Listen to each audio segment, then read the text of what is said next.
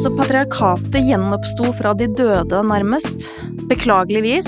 Ja, hvis vi tenker på den, en av de største Ja, ja. patriarkene. Ja, det På var, steroider. Ja. Han eh, følte jo at han eh, hadde aldri følt seg så bra i hele sitt liv. Han følte seg som en supermann, og jeg tenkte drugs.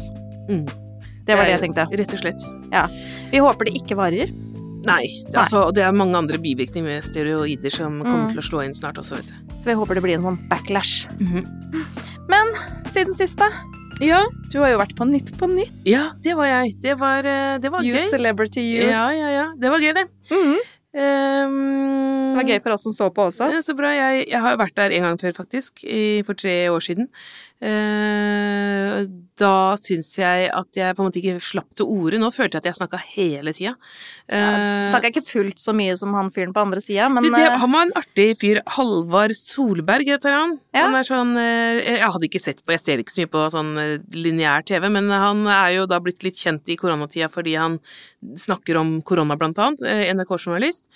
Ekspert. I, han ville ikke ha det på seg at han var ekspert, koronaekspert, fordi at han mente man måtte ha medisinsk kompetanse for å kalle seg det. mm. Men uh, det var litt gøy, for at han var jo definitivt koronaekspert. Han var jo ekspert på romfart òg, viser det seg. Og det ene temaet etter det andre altså, som vi hadde på, på Ja, du så jo at han var ganske sånn eh, kunnskapsrik på ganske mye forskjellig. Det var liksom bare Ikke bare litt, det var sånn derre på helt sånn detaljnivå kunne han Så vi andre satt jo bare sånn etter hvert fascinert og så på eh, altså, For vi er jo sammen i flere timer enn det som blir eh, opptaket.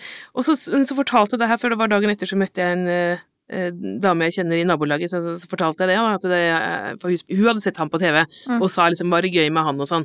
Jeg bare ja, det var gøy. Eh, og så fortalte jeg det at han var ekspert på alt, da. Eh, og da sier hun ja, han var som mansplainer, kanskje, da. Eh, og så tenker jeg nei, han var jo ikke det egentlig, for han altså, for mansplainer-uttrykket, det er liksom det, Vi må jo holde Vi må, holde, Vi må liksom, vite, så jeg må nå skal vi skille definere. skitt og kanel her. Ja, La oss definere. Hva er en mansplainer? Mansplainer er jo da en som snakker heftig i vei og kanskje litt belærende til noen eh, personer, eh, fortrinnsvis kvinner, som eh, kanskje kan mer om dette temaet, eller, Eller minst like minst like mye som han. Eh, og så legger han jo ikke da merke til, for det, man kan jo bli litt forelska i sin egen stemme og bare holde den monologen gående, og så, og så blir det liksom veldig sånn eh, Du sitter bare der, og, og kvinner er jo ofte høflige, så vi sitter jo liksom og nikker og lar dem holde på, da, ja, Eller ser på dem med et vantro blikk, for de Ja. får jo ikke med seg det heller. Nei. Det er jo også litt eh, artig de gangene det er, det liksom, skjer. det, er jo akkurat den derre misforholdet Mm. eh, mellom du, hvor mye du tror du veit i forhold til andre og ikke. Men han her, han visste på en måte alt, da. Så, Så- det, var, så det var bare en fyr som er eh, kunnskapsrik og veldig glad i å formidle. Så det er lov å være mann og ha masse kunnskap Det lov. og snakke om det. Ja. Det er bare også lov å legge merke til om noen andre også kan noe. Ja. Men det er jo eh, Siden sist så Jeg har jo vært på foredrag, da. Ja, jeg, jeg, jeg, høflig er jo at jeg spør deg hva har du gjort siden sist, men det, du må ta okay, det sjøl, du, liksom. Sånn, okay. ja, Anette, hva har du gjort sist? Jo, nå Ja. skal du høre. Um, jeg var på et foredrag. Det her skjedde i går, og man skulle tro at ok, da var jeg vel faktisk fysisk på plass. Jeg var jo ikke det. Eh, fordi jeg satt jo ved pulten min med hodetelefonen på og hørte på dette foredraget mens jeg da, for jeg er jo i en veldig hektisk periode på jobb, sendte ut materiale og svarte på e-post og i det hele tatt. ehm, og etter hvert faktisk begynte å rydde pulten min også. Dette handlet om getting things done. Det var foredraget. Det var foredraget. Og det som jeg syns kanskje var artigst med alle de tingene jeg holdt på med mens jeg så på dette foredraget, var at de snakket om at man skulle ikke drive med multitasking. Mm. Nei, det var det som var poenget. Det var liksom litt eh, Det var i hvert fall ett av de virkelig viktigste poengene. Mm, mm. Eh, og da lo jeg jo litt i det skjegget jeg ikke har, eh, av at jeg ikke skulle det, for jeg syns at jeg multitaska ganske hardt der Ja. hvor jeg satt, og faktisk fikk med meg noen poenger. Du, men lykkes du med Altså, hvorfor skal man ikke multitaske? Er ikke det ganske praktisk? Nei, Det er vel Nå kan vi jo være enige om at sannsynligvis er det vel mest nyttig å gjøre én oppgave av gangen. Det hadde vel også vært eh, litt nyttig for vår psykiske helse. Eh, men det har vi jo ikke tid til. Nei, man har jo ikke tid til bare å gjøre én ting. Nei. Og da var det Eh. i tillegg så viste han en video av en, en amerikansk professor som sto på en scene foran et jublende publikum og sa eh, People cannot multitask. Not even women can multitask. Og så tenkte jeg You know nothing. Så, men moralen var i hvert fall uansett Jeg fikk Det var en mansplainer. Det var kanskje litt grann mansplaining, men jeg fikk jo rydda pulten, da. Ja. Og så syns jeg egentlig var noen faktisk ganske viktige poenger i det Mm. foredraget. Men jo, jeg kan multitaske. Bra. Det øh, Altså, apropos effektivitet. øh, I dag så kom jeg liksom et, enda et skritt nærmere det moderne livet. Eh, ding dong, så var det en pakke som lå på døra mi. Det er noe som heter Helt hjem. Har du hørt? Helt fantastisk. Det er så bra! Jeg syns bare det er én ting og heller igjen ikke noe spons, vi er ikke sponsa helt hjem. Eh, det å få pakker helt på døra med da sannsynligvis avisbudet, Mm. regner jeg med at det er som kommer med de, det er jo også en helt ny tilværelse. For ikke bare leverer de pakker, de henter også. Det syns jeg kanskje Man var det aller slipper rett og slett å gå på posten. Gå på posten har vi nesten slutta med nå, og så er det også billigere. Og postkontorene er borte òg, så det er jo De har jo øh, øh, Før så hadde vi postkontor på Manglerudsenteret, det er borte. Så var det på, dro vi på Brynsenteret, borte. Nå må vi dra på en sånn lurvete Rema-butikk borti Ryenkrysset. Og Hæ? bare for vi, vi, altså Gamle damer og, som, med rullator som skal komme seg liksom til denne eh, Må gå liksom over verste trafikkmaskinen og ned noe glatte Altså, det er helt fryktelig. Så Ja, altså, de hvis tar du jo skal ikke vare bestille levering helt hjem fra posten, så koster det 250 kroner. Ja. Det, det funker jo ikke. Men Nei, hva men- var det du fikk i pakka? Jo, det var tre bøker eh, som jeg hadde bestilt på en nettside eh, som jeg nettopp har oppdaga. Eh, den heter eh, Det er et antikvariat, en feministisk bokhandel, eh, som eh, skal bli fysisk også, tror jeg, etter hvert, på Sagen eller noe sånt, men den er nå på nettet. Heter Gullberg og Bostadløkken. .no. Eh, Det er eh, to damer. eh, som har starta en eh, bokhandel på nett hvor de selger eh, brukte kvinnebøker av alle slag. Altså det er mye feminisme, eh, og sakprosa-biografier og romaner, og også til og med barnebøker eh, som de mener er innafor. Jeg, jeg heier veldig på dette, for jeg liker sånn nisjing, som det heter. Ja. Man snakker om sånn sjanger, det å nisje ting. Og dette er sånn klassisk godt eksempel på god nisjing. jeg ble liksom sittende og bla meg gjennom hele katalogen deres, og de er veldig de er ferske, da, så det blir jo mer og mer der. Men de tre bøkene jeg kjøpte da, det var eh, en som heter Håndbok i barneindoktrinering. Har du hørt om den? Jeg, jeg er veldig spent på hva har du tenkt å bruke den til. Nei, jeg har jo unger, da. Ja. Eh, Ja, men også hva var den feministiske vinklingen her? Nei, altså det er en eh, klassiker fra 70-tallet, faktisk. Eh, Frances Westin har skrevet en sånn liten håndbok. Mm. Og man reagerer jo veldig negativt på den tittelen, liksom, det høres ikke noe bra ut med indoktrinering. Men dette her er liksom fra den tida hvor man tenkte at det var ganske greit. Jeg er jo selv oppvokst i AKP-ML, og de drev jo og indoktrinerte meg hele tiden.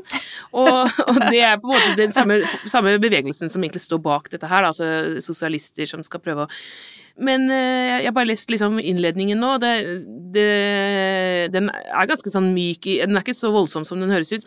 Altså, Den kunne jo het barnesosialisering i stedet. Mm. Det er liksom sånn Hvis målet er at vi skal leve sammen i et eh, bra samfunn og alle skal ha det best mulig, så må man jo putte disse ideene inn i barna ganske tidlig for at de skal Ja. Så Ja, men det er, på jo måte- litt, det er jo litt sånn som disse foreldrene som sier at nei, nei, nei, vi snakker ikke om politikk hjemme i det hele tatt, fordi jeg syns at det er viktig at barna skal få gjøre seg opp en egen mening. Da gjør de seg ikke opp noen mer Altså, det er jo Hell det dummeste Ja. Er det noe jeg har tenkt å gjøre, så er det jo å oppdra gode sosialister. Ja. Så, så det der, den forståelsen tror jeg fører til at du får små egoister og konservative Frp-ere. Så lykke til med det. Ok. Eh, og den andre boka jeg eh, eh, kjøpte, var eh, Nei, det her høres sært ut, nå høres jeg nær Det var åtte essays om kvinnenes kamp under den franske revolusjon. Ja, Elsker det. ja bra. Og så den tredje, eh, Vigdis Hjort sin Jeg har veldig mye Vigdis Hjort-bøker, men jeg hadde ikke om bare. Jeg har ikke lest den heller. Åh, da kan du glede deg. Det er Ja. min favoritt Ja. av alle Vigdis eh, Ja, bøker. det, grunnen til at jeg kjøpte den, var at jeg eh, mangla den selvfølgelig, men også Jeg har jo hele tiden tenkt hvilken bok er det Vi er så spent på denne historien med han derre litteraturprofessoren Arild Lindeberg som hun var sammen med. Mm. Og den er det eh, Jeg har liksom hørt mye om det, men jeg har ikke lest selve den boka, og det er Mm. vel den, er det ikke det? Det er den. Ja. Og eh, det som jeg syns er helt uh, vilt bra med den, og som jeg syns at hun virkelig mestrer med om bare, det er å skildre akkurat hvor gal du blir når du blir skikkelig sånn pasjonert forelska. Mm. Og det å liksom eh, Alle de tullete tingene du gjør, og situasjoner du setter deg i, og du lar i praksis nesten alt seile, bare for at du greier ikke å få den galskapen ut av hodet. Mm. Eh, og det er smerte, rart ser han derre. Lindeberg jeg, jeg, jeg kan ikke helt skjønne hvorfor liksom Nei, vi kan, alle, vi kan jo alle lure på hvorfor man begjærer det man Ja. begjærer, men ja, nei, eh, det var slemt eh, sagt, men ja. jeg bare Jeg ser det ikke helt for meg, liksom. Men det er jo eh, Men uansett en fantastisk god roman. Ja. Eh, og det, det som er veldig morsomt, er jo at den bobler litt sånn opp igjen nå. I liksom det at hun har fått den nye suksessen med, med bøkene hun har utgitt i senere år, så har, har den blitt sånn reaktualisert. Og det er også en av de bøkene som de nå ser på å utgi på engelsk. Så jeg Mm. tipper at vi kommer til å se den utgitt også i, i utlandet. Mm. Så det er eh, spennende boks. den kan du glede deg til. Jeg gjør det. Mm. Ehm, det som ehm, Grunnen til at jeg egentlig gikk inn på den bokhandelen i utgangspunktet, var eh, Altså, jeg hadde bare sett et sånt tips sånn Jeg hadde det langt baki, for du veit, i en sånn Facebook-stream hele dagen, og så Mm. får du plutselig et eller annet med deg som du glemmer igjen etterpå. Og så var det det at jeg da kom på at hadde jeg ikke sett noe om en sånn bokhandel. Og det var Jeg hadde holdt et foredrag på Oppsal bibliotek i forrige uke om eh, skandinavisk feministboka. Og så, eh, etter foredraget, så kom en eh, i publikum opp, og han var en mann i, så ut som han var eh, nærmere 80 enn 70, og han var fornøyd med foredraget, det var hyggelig, men han spurte da om ikke jeg visste om noen som var interessert i eh, feministisk litteratur eh, i hauger og lass, fordi at kona hans hadde nylig dødd, og hun hadde etterlatt seg hun hadde, hun hadde vært med i kvinnebevegelsen siden eh, 70-tallet og hadde veldig mye, da. Eh, ikke bare bøker, men liksom alt, masse sireneblader og materiale, og tatt vare på alt. Og, og så det var da jeg kom Hvor var det jeg hadde hørt om det der eh, antikvariatet, liksom? Så, så, og så gikk jeg inn på og spurte noen på Facebook, da. eh, hvem var dette her igjen? Og så kom disse Bostad Eller jeg mener Gullberg og Bostadløkken. Det er ikke verdens mest markedsføringsvennlige navn. Nei, det er veldig vanskelig å huske. Det er det, men, eh, men vi skal øve. Ja. Ja. Gullberg og Bostadløkken. Eh, ja, eh, så, det, så tenkte jeg det der med når sånne damer i kvinnebevegelsen dør, eh, så, som de da etter hvert nå kommer til å gjøre i stort monn, eh, Mhm. fordi de nærmer seg jo eh, 80-åra, mange av dem. Men så håper jeg at de får mye post mortem-oppmerksomhet. Mm. Eh, fordi eh, veldig ofte så ser vi jo at nekrologer de handler stort sett om, om menn. Dette er jo liksom gjort undersøkelser mm. på. Og i Aftenposten, som er der hvor det står flest nekrologer i norske aviser, der er det veldig stor overvekt av menn. Mm.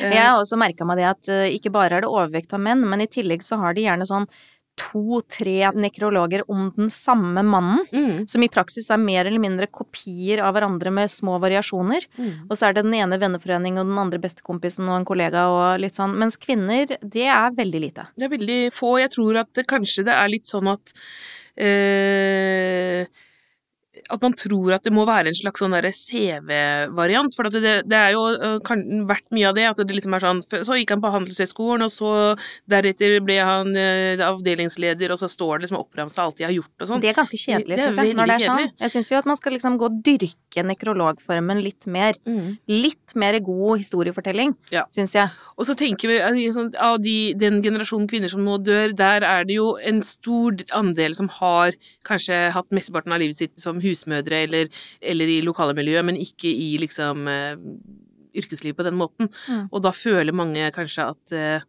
eh, det ikke er verdt å skrive om. Mm. Men det er jo bare tull. Og eh, hun, eh, en som heter Kristin Storusten, som vi kjenner litt til, Mm. eh, i Aftenposten hun, Ja, hun er jo faktisk på quizlaget mitt. Vi, oh, ja. quiz, vi quizet sammen. Det er veldig Er lenge siden nå. Ja, Ja. godt spørsmål. ja, Men uh, Jeg stemmer, men hun, lurte bare hun på hvorfor er ikke mye jeg på quizlaget sitt. What? Eh, Men ja. Kristin Storusten. Kristin er med, ja. Mm. Men hun, hun jobber med det her i Aftenposten og prøver å øke kvinneandelen og minoritetsandelen, for det er også veldig Det er jo stort sett hvite nordmenn som får eh, nekrologer. Hun skriver eh, til meg at eh, det var over 50 nekrologer over menn i september, og 21 over kvinner. Og det er ganske typisk. Mm. Ehm, det å skrive en nekrolog er jo en måte å vise fram norgeshistorie på, skriver Kristin da. Når kvinnene er usynlige, blir også deres historier usynlige. Mm. Eh, så, så hun sendte meg tre tips da, til, som jeg kan viderebringe om dette her med nekrologskriving. Eh, det ene er jo selvfølgelig at man følger med eh, rundt på sitt fagfelt og om lokalmiljø, Mm. eh, på hvem som dør og hvem som eh, du har en, et kjennskap til. Bidra til å løfte fram noen damer som har betydd noe i ditt liv. Kanskje en gammel lærerinne som var viktig for deg, eh, noen som har vært med i organisert eh, kulturliv, eller, eller Eller noen som bare levde et, eh, et engasjert liv hjemme med sine nære og kjære og var glad i de. Mm. Det er lov, det Det er lov, det òg. Mm. Og så skriver hun eh, du er viktig nok, altså ikke tro at du er liksom for langt unna denne personen i nærhet, eller at du ikke er eh, flink nok til å skrive eller noe sånt. Fordi, som du sa, det er ikke sånn at eh, hvis du skriver en nekrolog, så kan ikke vedkommende få noen andre enn nekrologer. Nei, nei, Det nei. er lov med flere. Og så tredje, da, gjør avtaler med hverandre. Jeg skriver om deg, du skriver om meg. Så nå lager vi den avtalen, du og Ja, jeg. ja. Den jeg som dør først, da. Det, må, må skrive. Ja. Og den som dør sist, må lage en avtale med en annen dame, Ja, som kanskje er litt yngre. Hilst. Sånn at vi liksom hold... Sånn at vi holder denne kjeden eh, gående. Ja. Men det er jo egentlig også noe vi burde gjøre mer av på Wikipedia. Ja, det er veldig skjevt der òg. Ja, for jeg merker meg ofte, hvis det er noe jeg googler eller ting jeg finner ut av eh, på Wikipedia, så er det enten veldig mangelfull informasjon på innføringen innføringen om kvinner, eller så er det ikke det i det hele tatt. Mm. Så egentlig så, og så er det jo slik med regelen på Wikipedia at du kan ikke legge ting til om deg selv. Nei. Og det er jo- egentlig, for ellers det er hadde det jo bra. vært enda mer menn. Da hadde det jo vært liksom bare sånn sjøldigging. 99% menn, for alle hadde skrevet sin egen Wikipedia-artikkel. Ikke sant. Så, og det er jo sånn at det blir jo logga Mm. eh, i denne loggen til Wikipedia hvem som går inn og endrer, og hvem som er inne og pusser på de forskjellige, og det blir også røkta av disse folka som passer på. Uh, men der bør vi jo i mye større grad også gjøre en sånn avtale, sånn at uh, eh, for eksempel så kanskje ikke du hadde blitt introdusert som eh, barn og barnebarn av to menn før eh, Nytt på nytt, da, Ja, hvis noen var, hadde gjort det. det var eh, den eh, introduksjonen jeg fikk eh, der, var jo henta fra Wikipedia. Det Ja. var at jeg var eh, det var jo en vits, da, som altså Det er gøy å ha denne eh, datteren, eller etterkommeren etterkommerne til disse store mennene. Det var jo det som Mm. var vitsen. Men, men det var jo da henta, som sagt, fra en Wikipedia-artikkel som jeg ikke vet hvem som har skrevet. Men, og poenget er jo at min far og farfar begge to har gitt ut bøker, så det var på en Mm. måte derfor det er nevnt. Jeg tror jo faktisk etter hvert at du har utgitt nesten flere bøker enn dem, da. Ja, i hvert fall eh, Ja. Ja, så, sånn Men eh, det nærmer seg i hvert fall. Men allikevel så blir det sånn rart når du først skal skrive, for det står jo at jeg har vokst, og det står at jeg har gått på Larvik gymnas og sånn, og da blir det jo litt rart at ikke det står nevnt mora mi, da. Ja, ikke Som på sant? måte- sånn datter og datterdatter Ja. av ja, sånn. Og det er veldig typisk, og det er, det er jo typisk Jeg jobber jo nå med å skrive om eh, Åsta Hansten, eh, som levde på 1880, eller på 1800-tallet. Og, mm, og der er det jo Faren hennes blir jo nevnt selvfølgelig veldig mye. Han var en kjent astronom og professor, Mm. og det fins egne bøker om han, liksom, så det er jo klart at det er Og så mora er jo da nesten ikke nevnt. Altså, det er jo litt synd, men det er veldig naturlig på den tiden, fordi at det, kvinner hadde jo ikke noen posisjon, og det var ikke De var på en måte Men det blir jo også sånn vi sitter Det er jo klin umulig å finne noe om dem Ja. når, de, når de aldri er nevnt, og så, og så dermed så blir det til at jeg viderefører det samme skeivheten, ja, for at du tar bare Ja. den informasjonen som er tilgjengelig, og den Ja. er gjerne mannsdominert. Jeg får jo ikke skrevet noe om, om hun mora, si jeg blir, blir Da finner du på noe, da. Så Ja, kan du bare sant? videreformidle hele sånn full fiksjon, ingen kan ta deg på det. Ja. Men eh, ja, det er en kjempeutfordring, men det betyr jo også at vi må ta litt ansvar nå, Mm. for at eh, den informasjonen vi etterlater oss, faktisk er mer eh, kvinne. ja, og neste gang du. Søker på Wikipedia og ikke finner den dama du søker etter, så må man jo bare skrive en mail Legg og si Nei, du kan legge inn. Det er faktisk bare sånn Ja. legg til artikkel. Ja, da må man melde seg inn i Wikipedia. Du må melde deg inn, men det er, sånn sett så er det jo hvis du driver og bruker Wikipedia masse, Ja. så er det kanskje ikke så dumt å melde seg inn heller, da, Nei, og nei. bidra litt. Så, for at, eh, det er jo hele poenget med at det er eh, et oppslagsverk som er ikke alltid like eh, sannhetsenlig. Vi må være litt kritiske til det som ligger på Wikipedia, Mm. men det betyr jo også at vi alle må være med og bidra til det innholdet som ligger der. Ja. Mm. Du er Så sosialist, du. Jeg er sosialist, uff a meg. Altså nå igjen, vi sa det forrige uke, eh, at vi har jo lyttere der ute, og det syns vi jo er kjempefint. Og nå har vi jo fått enda et spørsmål fra en lytter. Yes! Vi er sånn, Hver e-post som tikker inn, så kan vi bare si det, for jeg fikk nemlig enda én e-post etter det som sa ja, dere er kanskje ikke åpen for spørsmål. Jo! Ja. Vi er åpne for spørsmål, så send gjerne inn på patriarkatetfaller at gmail.com. Så kan vi womansplaine dere. Så kan vi womansplaine så godt vi kan. Um, dette spørsmålet som vi tar opp nå, det kommer fra Hilde Marie. Uh, og det dreier seg om den dokumentaren som har fått veldig mye oppmerksomhet i det siste, som heter 'Kunstneren og tyven'. Eh, Som vi ikke har sett. som vi ikke har sett. Det må vi bare si med en gang. Veldig lyst til å se den. Har fått masse god omtale og terningkast seks. Og... Skulle, på, skulle faktisk, eller prøvde å bestille billett på søndag på Ringen. Da var det utsolgt. Det er vel sikkert en liten sal og bare 30 plasser eller noe sånt. Jeg vet ikke. Ja, og hvor ofte skjer sånne ting med, med dokumentarer? Ikke så veldig ofte. Så, og når, vi, når det knapt er plass til folk i kinosalene, så bør man i hvert fall forte seg og prøve å få sett den. Men da blir det i hvert fall, ifølge Hilde Marie, referert under eh, løpets gang i eh, denne filmen at eh, kunstneren da, bordet, som i utgangspunktet er tsjekkisk, liker ikke skandinavisk feminisme. Hm. Hva betyr det, tror du? Hun, hun sier ikke noe mer Vi vet ikke noe mer enn at hun sa det. Vi vet ikke noe mer enn at hun sa det, Mm. eh, og det er jo akkurat det her liksom hva, hva er det man kan finne så provoserende ved skandinavisk feminisme? Mm. Eh, jeg jo, eh, har jo gitt ut en bok i Tsjekkia og blei intervjua av en del tsjekkiske medier. Eh, og det, jeg hadde sånn sånn dag med fem-seks intervjuer, og alle de, enten det var avis eller, eh, eller Damblad, stilte sånn veldig sånn Men er du feminist? Eh, Overraskelsesspørsmål omtrent. Altså, de ble veldig sånn de, Etter at jeg hadde babla kjempelenge om feminisme og abort og sånn, så var det bare sånn Men du er vel ikke feminist, liksom? Bare hallo, boka mi heter det! liksom, ha, ha feminist i tittelen. Men det husker jeg fra, spesielt fra Tsjekkia. Og de forklarte meg da, de som var mest fornuftige av disse journalistene, når jeg spurte liksom bare eh, hvorfor eh, syns du det er rart, liksom? Nei, det er veldig betent begrep eh, her i Tsjekkia. Altså det, folk vil ikke kalle seg det. Og det er jo lignende ting jeg har hørt i Polen og Ungarn og mange andre steder. Men, Russland. Og Russland, ikke minst. Men jeg, ble eller, jeg trodde kanskje at Tsjekkia ikke var helt der. Eh, fordi Nei, jeg også tenker så på de kvinnelige forleggerne som jeg driver og snakker med når jeg er på bokmesser og sånn, så er de jo De er jo tøffe i trynet som fy, Mm. eh, de tsjekkiske damene jeg snakker med mest, og oversettere. Men det er nok noe med å si det, og Mm. sette den eh, betegnelsen på seg. Og det er sånn småting. Sant? Jeg, jeg husker jeg, jeg, når jeg var i, i, i Tsjekkia sist, så snakka jeg med disse forleggerne og noen andre rundt dette med For de, de hevda jo da at de har eksempel like bra barselrettigheter i Tsjekkia som her. Eller de hadde bedre, mente dem. Ok. Eh, og jeg bare å ja, så fint da, liksom, hva er det som er greia, liksom. Nei, eh, det som er der, er at du får Du kan ha For de sa vi kan nemlig være hjemme i tre år, vi. Eh, oi, sa jeg, det hørtes bra ut, tre år liksom med full betaling. Eh, nei, man får bare betalt for eh, ja, under et år eller noe sånt, men, men eh, du kan være borte tre år, eh, og, og så finnes det ikke barnehager. Heller eh, plass, altså du får nesten ikke noe, du har ikke noe barnehageplass, altså.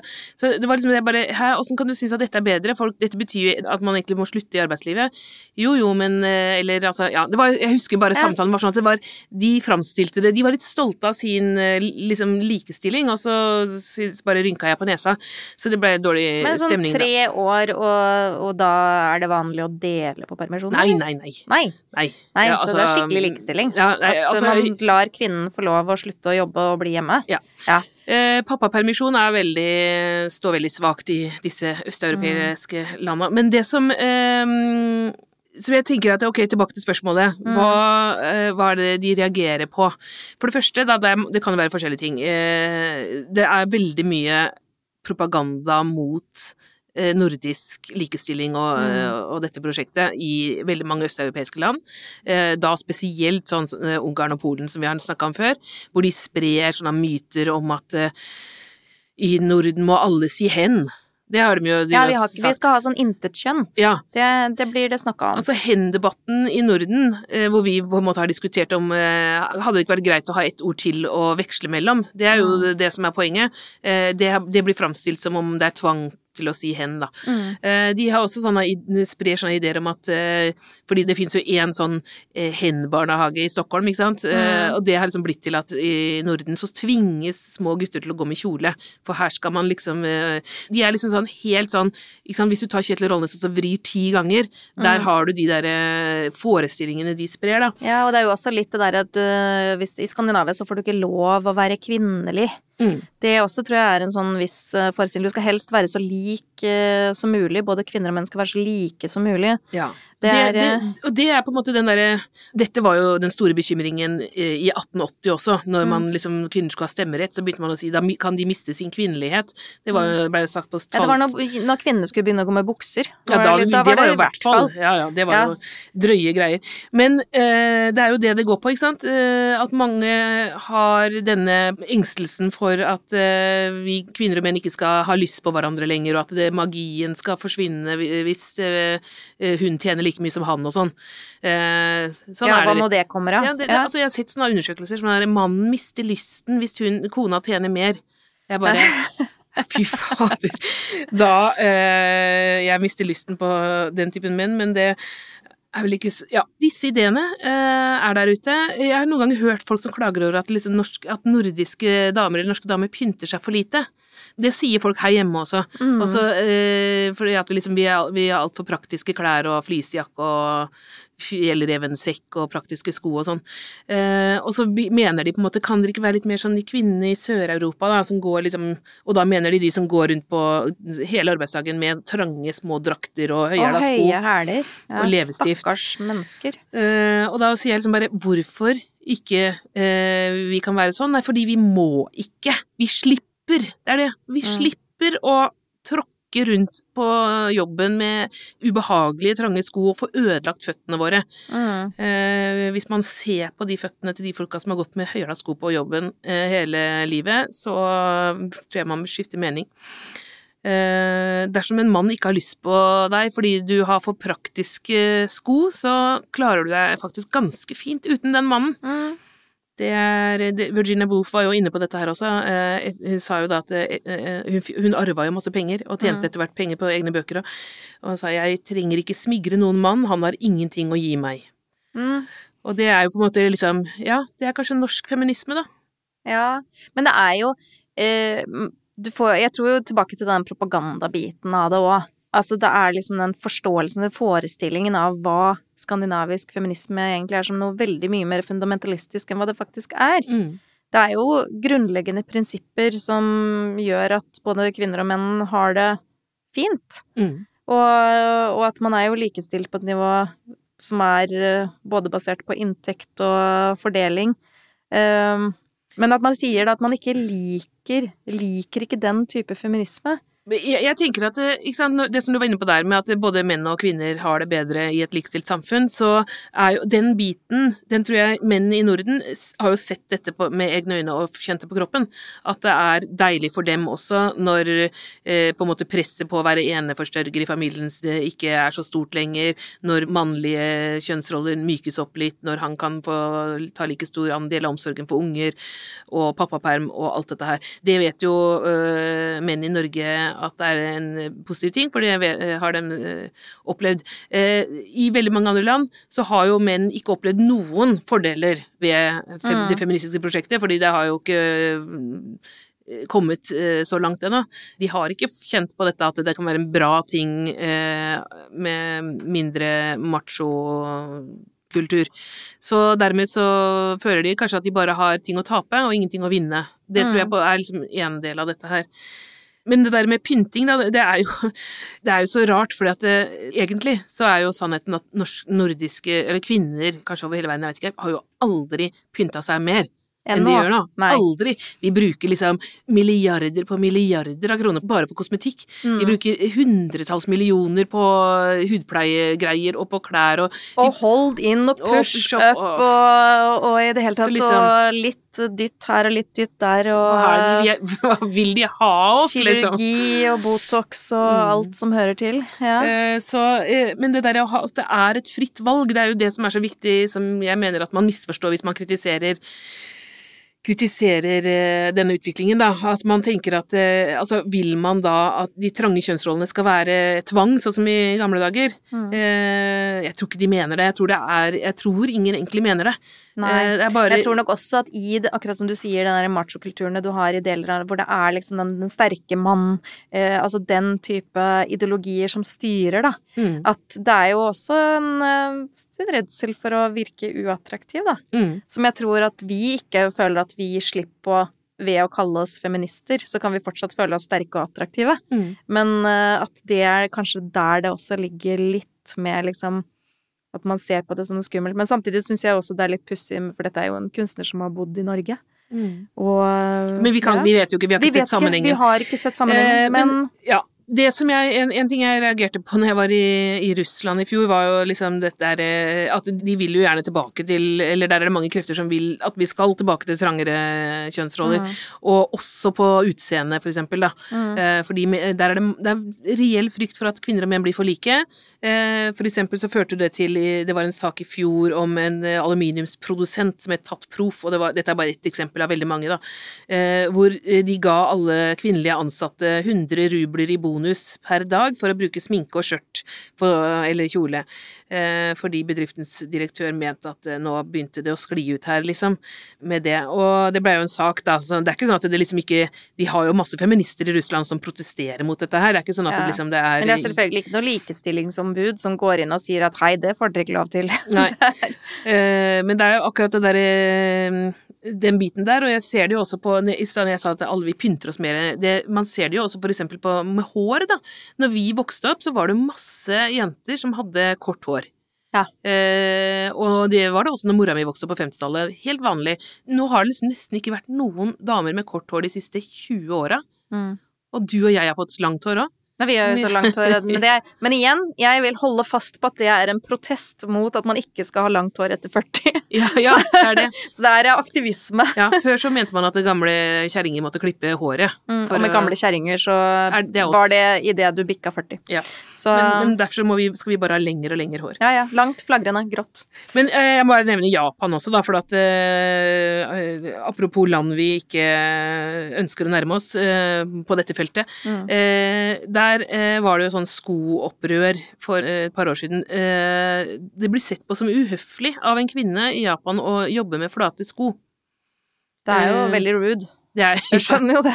den provokasjonen det er, altså. Ja. At hun skal gå rundt og ha det komfortabelt. Det, det var en eh, dame da som heter Yumi Ishikawa. Hun satte i gang en sånn hashtag, for dette var rett etter eh, metoo, og den het hashtag Q2, Q2, eh, og det spiller da på kutsu, som betyr sko, og kutsu, som betyr smerte. Mm. Eh, og den eh, tweeten hennes ble liksom delt eh, 30 000 ganger på noen få døgn, for det, alle japanske kvinner kjente seg igjen i det derre kravet om å Ikke alle, men alle yrkesaktive, da. Eh, så hun fikk veldig mye støtte, da. Men det, ikke blitt, det har ikke skjedd noe foreløpig, tror jeg, Nei. der. For dette, det, nylig så hørte jeg også at eh, et nytt sånn eh, hashtag, det var brilleopprør i Japan. Fordi det var mange arbeidstakere som nekter damer å jobbe med briller. Ja, det er jo kjempelurt. Ja. ja. Det er bare Det var sånn derre Den detaljfokusen du får når Mm. du sørger for at folk tar de av seg. Ja, det er veldig, Ja, ja. veldig spesielt. Nei, men det er jo igjen fordi eh, det er for Da blir man for lite feminin og pen. Og ikke til, det, det gir et kaldt inntrykk og er lite tiltalende overfor kunder, eh, hevdet eh, da noen som forbød brillebruk. Um, Når vi da tenker på at liksom det yrkesaktive perioden i en japansk kvinnes liv er jo ganske kort og intensivt, og så skal hun i den perioden egentlig også bare fordi at de, du kan jo ikke fortsette å jobbe når du får barn. Det er Nei. veldig nesten umulig det er derfor mange ikke får barn nå. Eh, derfor mange ikke får barn heller. Men at da den lille perioden de faktisk er i arbeid, så jobber de seg hardt, halvt i hjel Mm. og går i vonde sko og får ikke, Og ser ikke og får ikke lov å se. Det er bare sånn uff. Japanere er eh, gærne, altså, Sympati. rett og slett. Eh, Sympati. Ja, ja. Eh, de ligger veldig dårlig an på likestillingsstatistikkene i Japan. Det er, de, det er nummer 110 av 149 land på kjønnsindeksen. Eh, og det er ganske mange yrker i Japan som fremdeles bare er for menn. Ja, akkurat som i Russland. Russland er også en sånn liste. Lang liste Ja. over eh, forbudte yrker for kvinner. Men vet du hva, et yrke som er forbudt for kvinner, det er sushikokk. Ja. Det, når du sier det, jeg har ikke tenkt på det, men det er jo jeg har aldri sett en kvinnelig japansk eh, sushikokk in action heller, nei. ikke det. Det er, men, vet du hvorfor? Nei. Eh, Det er fordi kvinners hender er for varme til å holde fisken kald. Mm. Det er jo bare tull. For vi vet jo at vi kvinner er jo iskalde på hender og føtter absolutt hele tid. Det er like mye tull som at det ikke går an å vispe eggedosis når man har mensen. Det er akkurat like mye tull som det. Men vi håper vel bare uansett at uh, kunstnere på borda kanskje lærer seg å være litt mindre skeptisk til uh, skandinavisk feminisme med tida. Men jeg tror at hun jeg tror hun var, altså, hun var ikke noe skeptisk til den tyven, så vidt jeg, jeg har bare lest et par anmeldelser. Nei, Så hun er ganske åpen, tror jeg. Uh, Så jeg, vi skal ikke snakke mer om henne før vi ser filmen. vi skal se filmen, og så skal vi snakke mer. Husk at dere kan finne oss på Facebook, dere finner oss på Instagram, og dere kan også sende oss en e-post på patriarkatefaller at gmail.com. Du har hørt podkasten Patriarkatet faller av og med Marta Breen og Anette Garpestad. Teknikk og musikk ved Margarita Krimici. Og utgiver er Cappelen Dam Forlag.